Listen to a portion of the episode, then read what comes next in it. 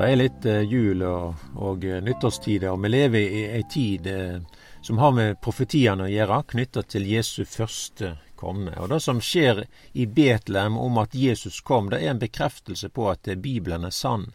Og Den som tror på Bibelen, den vil aldri verte til skamme. Og I det programmet vi hadde sist, så nevner vi en del av profetiene. Jesu fødsel, Herodes og barnemordet. og Dette her med at Jesus hadde sitt virke der i Galilea. Profetiene de er nøyaktige, de er konkrete. Og vi skal være klar over det som blir sagt, det er mange hundre år i førveien. Men selv om det er lang tid, og eh, både tider og omstendigheter har endra seg mye siden profeten fortalte, så skjer det likevel helt nøyaktig. Og det er ingen som kan annonsere sin fødsel, velge hva for foreldre en skal ha, og hvor en skal vokse opp, og yrke og eller andre hverdagslige ting. Det er ingen mennesker som kan gjøre det. Og eh, det er heller ingen eh, religion som har en religionsleder som kan vise til akkurat sånne ting.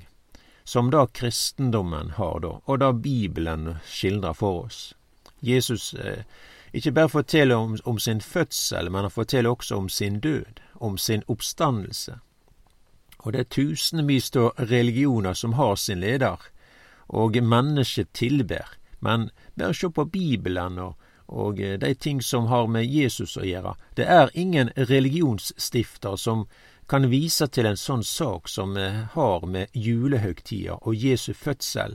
Det er derfor noe underlig at dette her ikke får noe mer oppmerksomhet, at ikke Bibelen blir tatt mer på alvor, at ikke det er flere mennesker som vil tilbe Jesus og stoppe opp for det som han har sagt og det han har gjort. Men dette er realiteter om Bibelen, det som har med Jesus å gjøre. Og eh, vi ser òg at Jesus han tok til med sin gjerning og virka i Galilea. Eh, det var ikke den store flokken sånn, da. Og eh, det var tider mange som ville høre Jesus, og oppsøkte han da. Men jeg tenker på dette med å etterfølge Jesus. Det var mange som trekte seg bort fra Jesus og læresveinene når han talte om sin død. Og det står her i Johannesevangeliet, i kapittel 6 og vers 66, at etter dette drog mange av læresveinene seg unna og gikk ikke lenger i kring med han.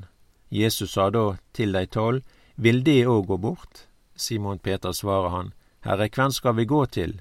Du har det evige livs ord. Og vi tror og veit at du er Guds heilage. Og Jesus står att med læresveinene. Og dette blir jo omtalt da med i profeten Jesajas boke, kapittel 53. Eh, vi leser der at hvem trodde det budskap vi hørte. Så det er underlig at folket der i Israel ikke forsto mer enn hva som kjem til uttrykk. De hadde jo paktene, og de hadde jo løftene og profetiene. Og de skulle være godt kjent med Jesus, men de hadde et problem, dette med Jesus og frelseslinja. Frelseslinja i Bibelen det er Jesus som lammet. Det er den gode hyrde. Det er Jesajas 53, som skildrer at han ble såra for våre brudd og knust for våre synder. Hyrdestaven, Jesus som en venn som set sitt liv til for sine venner, da. Han er øvstepresten som bringer fram seg sjøl. Han er offeret, han er stedfortrederen, og denne linja i Bibelen er sentral i Det gamle testamentet, men det var vanskelig for mange å følge den. Og mye av jødene var eh, opptekne med Jesus som konge. Og dette kjem òg eh, fram i Jesus sin samtale med disse Emmaus-vandrerne. For han sier til disse to karene som ja, Jesus gikk i lag med der, da, at de, de trodde at Jesus var han som skulle komme og forløse Israel. Så de så på det politiske Israel. Her var det romerne som styrte og okkuperte landet og Jerusalem og derfor var Jesus den politiske frelseren. Men det er ikke så underlig at mykje av folket de så Jesus på denne måten her, for det er veldig sentralt òg dette med Messias, om han som skal regjere ifra Jerusalem. Messias, hva skulle være som kong Salomo? Men òg dette her var det det er òg en gang at folk de vil jo ta Jesus og gjøre han eh, ja, med makt og gjøre han til konge, men da gikk Jesus vekk. Og dette med Jesus som konge og Messias, det betyr en salvelig konge. det er noe av det embetet Jesus òg har. Vi kan godt si da at Jesus har tre embeter, og det er kongen, det er profeten, og det er presten. Og eh, Jesus sier at eh, folket hater han, og det det er egentlig veldig sterkt å lese det, men det står her i Johannes eh, evangel 15 vers 24 eh, Hadde jeg ikke gjort eh, slike gjerninger mellom de som ingen annen hadde gjort, da hadde det ikke synd. Men nå har de sett det, og likevel hater de meg og far min. Og Dette står òg omtalt i en salme, og det er salme 69. De som hater meg uten årsak, og er flere enn håra på hovedet mitt. Tallrike er de som vil tyne meg, som er mine fiender uten grunn. Det jeg ikke har rana, lyte nå gi attende. Og det, det, var sånn salmisten sier da, og David han er den som skiller det, og det er om lag tusen år før det skjedde. Men det vart slik. Og en av læresveinene, Judas, han står jo omtalt i profetiene som sveik Jesus. Så Jesu nære vennekrets er det svik, og det står her i Matteus 26, skiller på denne måten her at da, gikk, da, da gikk en av de tolv, som heter Judas Iskariot, til øversteprestene, og han sa, Hva vil jeg gi meg for at jeg skal gi han over til dykk?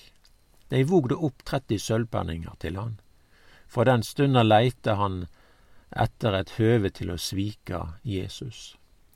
Og På denne måten så står det omtalt i evangeliene, og i Salme 41, eh, da leser vi på, på denne måten her, alle de som hater meg, kvisker sammen imot meg. Det som er til skade for meg, tenker de ut mot meg. Det hviler noe vondt på han. Han ligger der og står ikke opp mer. Det hviler noe vondt på han. Han ligger der og står ikke opp mer. Og, Bibelen er òg nøyaktig, så, så, Judas sitt svik, og, hvor mye han òg måtte betale for å angi Jesus, de 30 sølvpenninger. Det står i profeten Sakarias dette der, da. Så sa jeg til deg, om det så synes, så gi meg løna mi. Men om ikke, så la det være. Så vog de opp løna åt meg. 30 sølvpenninger. Så profeten Sakarias han skiller det også. Så, men legg òg merke til når Jesus rir inn i Jerusalem. Det er ikke den hvite hesten han rir på, men et esel. Hesten, det var kongedyret. Å være på e, hesten, det var å være opphøyd. Han skulle tilbildes. Og det er jo dette vi leser om i det persiske riket om Mordekai, når han da hadde avslørt at noen skulle kuppe kongen. Og for dette fikk Mordekai sitte på kongens hest, og fikk en kongelig klednad. Men når Jesus kommer til Jerusalem, så er det eselfolen han kommer på. Og dette er veldig konkret skrevet òg av profeten Sakarias. Rop med fryd, Sionsdatter, rop høgt, Jerusalemsdatter. Sjå, kongen din kjem til meg. Eh, rettferdig er han og full av frelse, audmyk, og han rir på et esel, på den unge eselfolen. Så det er veldig kon eh, konkret skildra, òg i Johannes 12, når Jesus kjem på trelldyret. Og det streker under det som Jesus sjøl har sagt. Menneskesonen er ikke kommet for å tjene, men for sjølv å tjene og gi livet sitt til løsepenger for mange. Så Jesus går inn i tjenerrolla, eselet fikk det ærefulle oppdraget. Han bringer frelserkongen til Jerusalem. Så her leser vi om kongen. Frelserkongen. Når vi først er i profeten Sakarias boka der, da, så kan vi òg lese om læresvennene sin flukt fra Jesus. Vi veit at når Jesus var i Getsemanhagen, så kom disse romerske soldatene og med ja, presteskap i hælene der og for å gripe Jesus. Jesus sier da til dem, er det meg de ser etter, så la disse gå. Og profeten forteller at hyrden skal verta slått, og sauene skal verta spredde. Det er profeten Sakarias 13 over 7. Sverd, våkn opp mot hyrdingen min, mot den mann som er min neste, sier Herren, allherrs Gud, slå hyrdingen, og sauene skal spreiast, og jeg vil atter ta meg av dei små. Så kan vi da lese i Matteusevangeliet 26 og vers 31. Da sier Jesus til dei, Den natta kjem det alle til å styggjast ved meg, for det står skrevet, de skal slå hyrdingen, og sauene i flokken skal verta spredde. Men etter at jeg har stått opp, skal jeg gå i førvegen for dykk til Galilea. Men Peter svarer så til han om så alle de andre styggast ved deg, så skal aldri eg styggast. Jesus sa til han, Sanne seier deg, i natt før han gjeld skal du fornekte meg tre ganger. Så alt dette her med Jesu liv, det er omtalt på førehånd. Og eh, det blir vel også sagt på denne måten at det, det nye testamentet det er skjult i Det gamle testamentet, og Det gamle testamentet er åpenbæra i det nye. Og mennesker eh, som at, eh, var før Jesu fødsel og leste disse tingene her, og fikk høre det, kom veldig tett på Jesus og evangeliene. Og et av de sterkeste ordene i Bibelen som, som følger Jesus mye tettere enn noe av det evangeliene får til, det da er krossfestinga.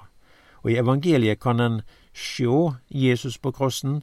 En kjem ikkje tettere enn det som har med Jesu mor og Maria og Johannes og de andre som står der, og ser. Men i Det gamle testamentet så blir vi teken med Jesus opp på krossen, og det er i Salme 22. Det er en Messias-salme, og det er den gode hyrde som sitt livet til for sauene. Og det er i denne salmen vi ser det samme som da Jesus ser. I evangeliene så at heile denne salmen gjengivet av Jesus mens han er krossfesta.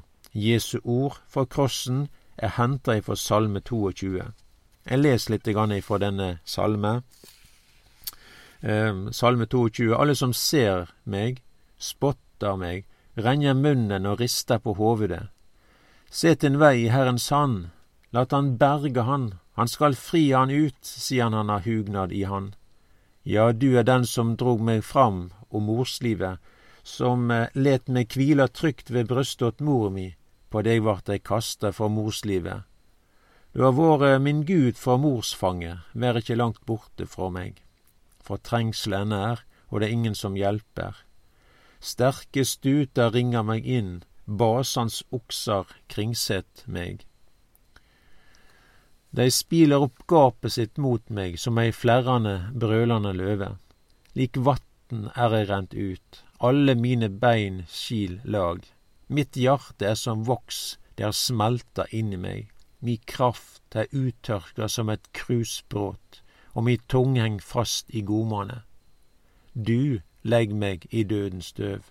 For hundar ringer meg inn, hopen tå de vonde kringsett meg. De har gjennombåret føttene mine og hendene mine. Og dette er Salme 22. Her ser vi Jesus på krossen, ja, vi er med han på krossen. I evangeliene kan vi sjå disse tingene skje. I denne salmen er det du kjem tettast på det som er å være krossfestast. De har gjennombora føttene mine og hendene mine. Hunder ringer meg inn, hopene av de vonde, de kringset meg. Det som eh, det er fint å legge merke til, det er at eh, Jesus, han er ikke bare den krossfestede, men han er den oppstandende hyrde. Og i Salme 23 som òg en sånn hyrdesalme, på samme måte som eh, 22. Eh, Den, og der har vi Jesus. Herren er min hyrde. Og det skildrer da at dette her det er den, den samme hyrde, det er den hyrde som lever. Han er min hyrde. Det er den oppstanden. Jesus lever. I Salme 24 da har du òg hyrdingen. Det er overhyrdingen. Lukk opp er det skildra. Hvem skal en lukke opp for? Ja, det er kongen som kjem. Og sånn er disse tre salmene skildringer om Han, den gode hyrde, som setter livet til for sauna, som gir sitt liv for sine venner. Det er ingen som tek Jesu liv, men det er noe han gir.